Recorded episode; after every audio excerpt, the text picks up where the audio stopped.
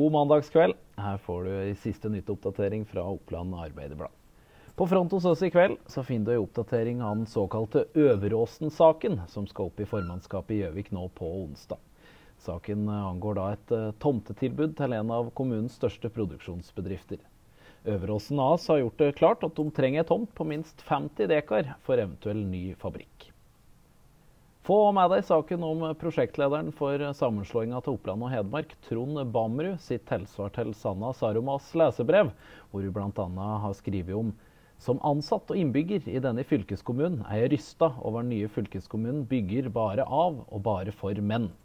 Du kan lese hva Bamrud sjøl hadde å si om lesebrevet til Saruma på våre sider nå. I tillegg til det kan du lese mer om kaoset som møtte de ansatte på Ting og Tøy på Raufoss i dag mandag.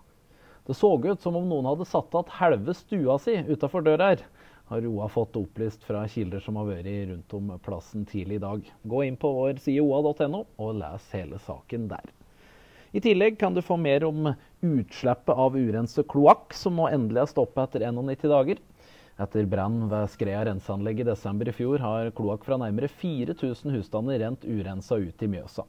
Nå er dette utslippet endelig stoppet, takket være det nye provisoriske renseanlegget som nå er på plass på Skreia.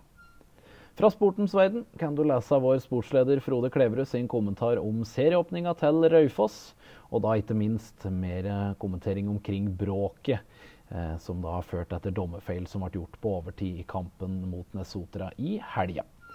Av kultur så byr vi i kveld på en sak om at du nå kan se opera- og ballettforestillinger fra Royal Opera House i London direkte på Gjøvik kino.